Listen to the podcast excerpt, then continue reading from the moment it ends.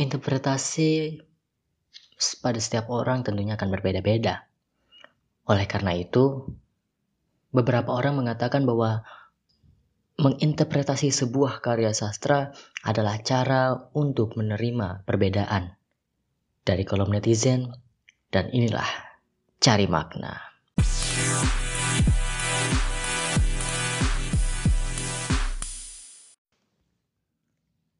Cari makna episode pertama gue akan coba untuk menginterpretasikan sebuah puisi berdasarkan intonasi pembacaannya.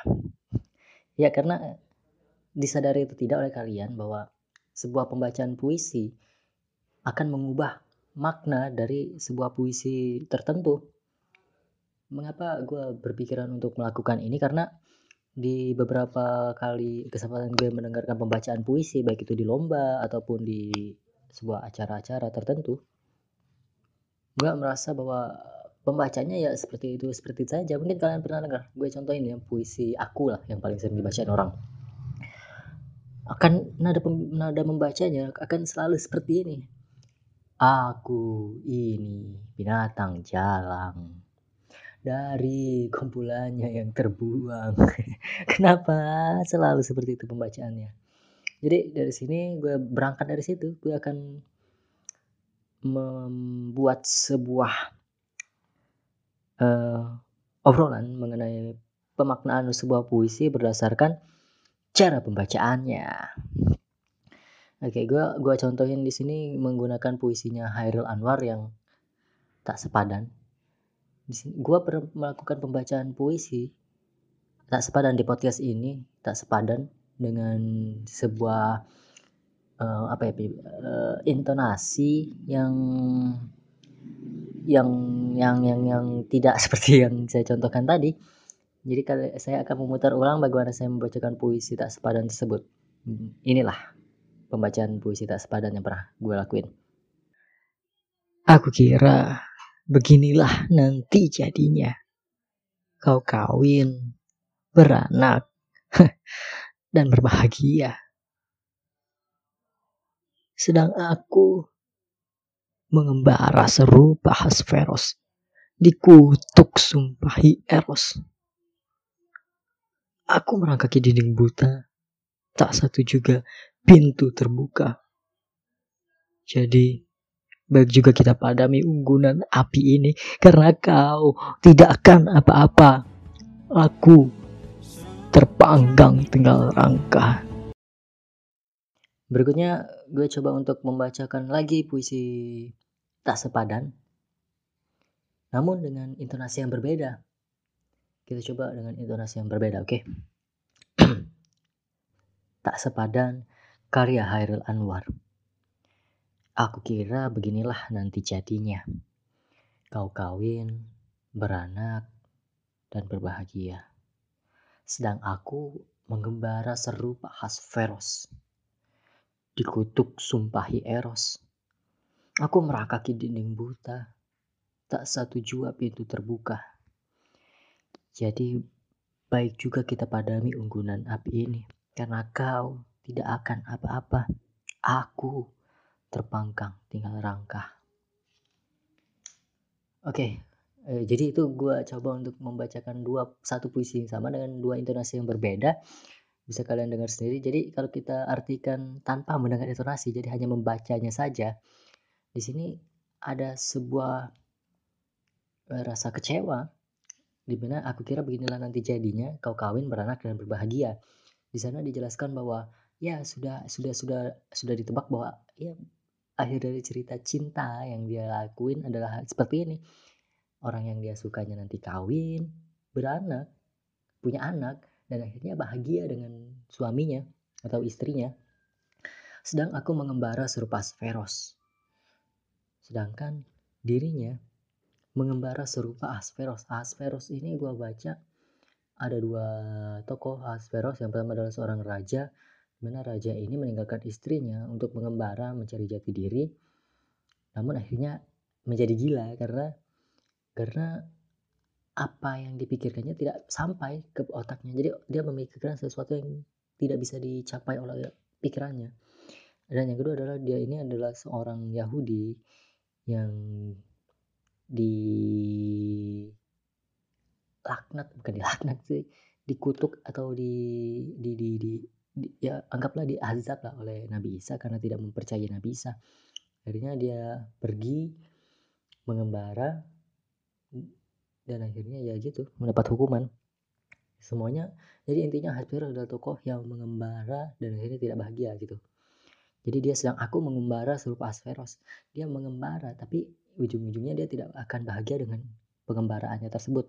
Berikutnya ada dikutuk sumpahi Eros dikutuk sumpahi Eros Eros adalah uh, dewa mitologi Yunani dewa cinta dewa cinta Yunani jadi kalau dikutuk sumpahi Eros dikutuk dan disumpahi oleh dewa cinta seolah-olah dia tidak akan mendapatkan cinta lagi.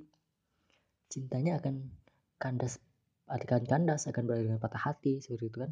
Lalu ada aku merangkaki dinding buta tak satu juga pintu terbuka. Dia merangkaki sesuatu yang fana, dinding buta jadi tidak nyata. Tak satu juga pintu terbuka, tak ada jalan untuk masuk ataupun untuk keluar. Jadi baik juga kita padami unggunan api ini unggulan api bisa bilang perasaan cinta, gelora asmara mereka. Lebih baik disudahin saja semua ceritanya karena si dia tidak akan apa-apa, tidak akan terluka, tidak akan patah hati, sedangkan si aku yang jatuh cinta akan terpanggang tinggal rangka, akan sangat amat patah hati. Dan sangat amat sakit. Itu jika kita baca kita artikan tanpa intonasi, tapi kalau kita mengartikannya setelah kita mendengarkan pembacaan, akan ada sedikit perubahan di sana, sedikit namun juga akan berpengaruh kepada ceritanya. Jadi gue akan coba di sini menyetarakan, ah, memutarnya secara bersamaan pembacaan puisi intonasi yang pertama dan intonasi yang kedua.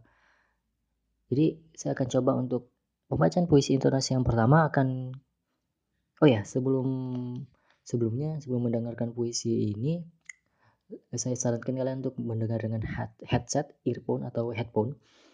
Jadi kalian akan bisa mendengar perbedaannya. Karena saya akan mencoba untuk memutar pembacaan puisi dengan dua intonasi yang berbeda ini, di mana telinga kanan, head, earphone bagian kanan akan membacakan puisi dengan intonasi pertama, dan earphone kiri akan membacakan puisi dengan intonasi kedua secara bersamaan. Oke? Okay? Kita mulai sekarang. Aku kira, aku kira nanti jadinya. beginilah nanti kau jadinya. Kawin, beranak, kau kawin dan berbahagia. Beranak. Sedang aku dan berbahagia. serupa Hasferos. Sedang aku sumpahi Eros. Mengembara serupa Hasferos. Dikutuk sumpahi Eros. Jadi Aku merangkaki dinding buta. Tak satu juga pintu terbuka. Apa-apa.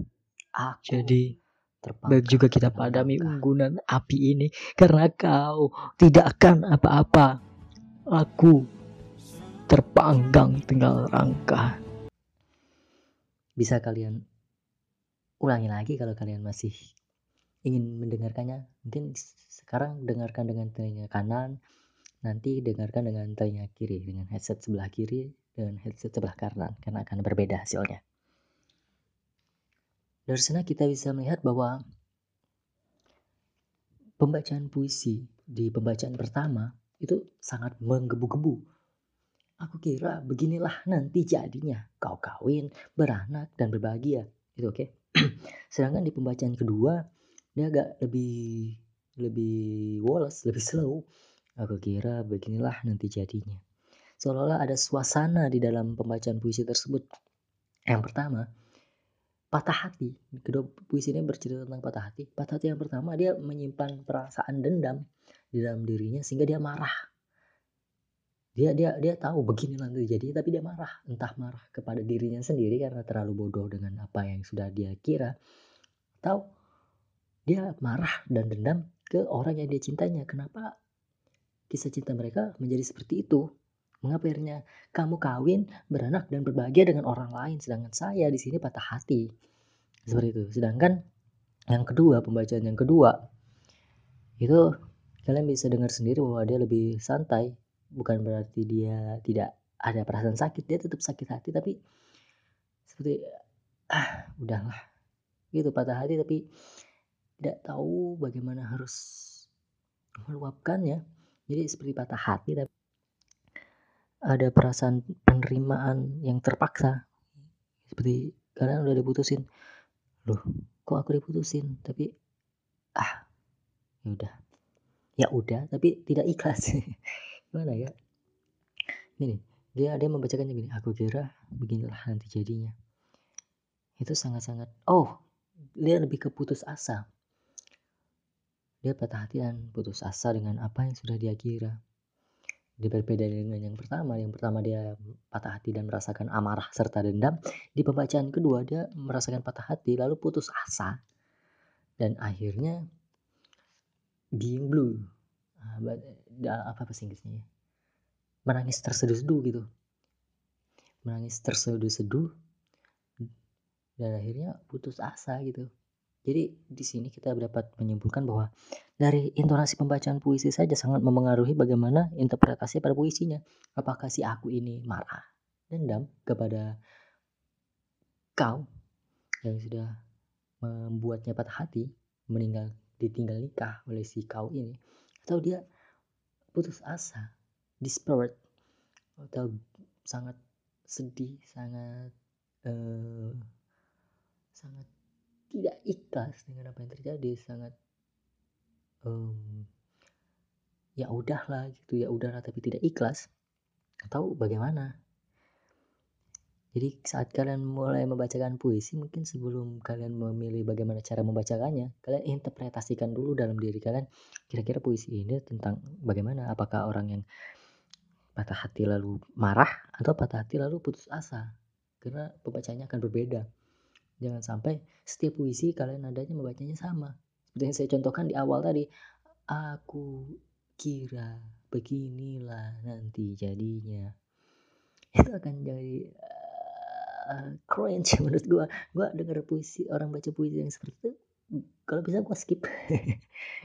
Karena agak aneh. Karena masa setiap puisi pembacanya seperti itu seolah-olah tidak ada emosi di dalamnya yang spesial seperti itu sih jadi untuk cari makna episode pertama gue rasa seperti itu kita mencari puisi berdasarkan lapis bunyinya bukan lapis bunyi tapi bunyinya bagaimana puisi tersebut dibunyikan dibacakan serta intonasinya bagaimana seorang pembaca puisi tersebut membacakan puisinya.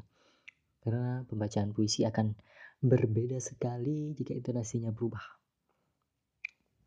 Kita bayangkan saja bagaimana puisi yang membicarakan soal semangat reformasi pasti banyak kan yang semangat reformasi lalu dibacakan dengan yang mini-mini misalnya dalam puisi Hairil Anwar Khairil Khairil Anwar Kerawang Bekasi ya kan akan sangat tidak masuk akal jika kalian membacakannya seperti ini kami yang kini terbaring antara Karawang, Bekasi, tidak bisa teriak merdeka dan angkat senjata lagi. Tidak akan bisa seperti itu karena akan terdengar aneh.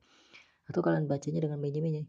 Kami yang kini terbaring antara Karawang, Bekasi, tak bisa teriak merdeka dan angkat senjata lagi.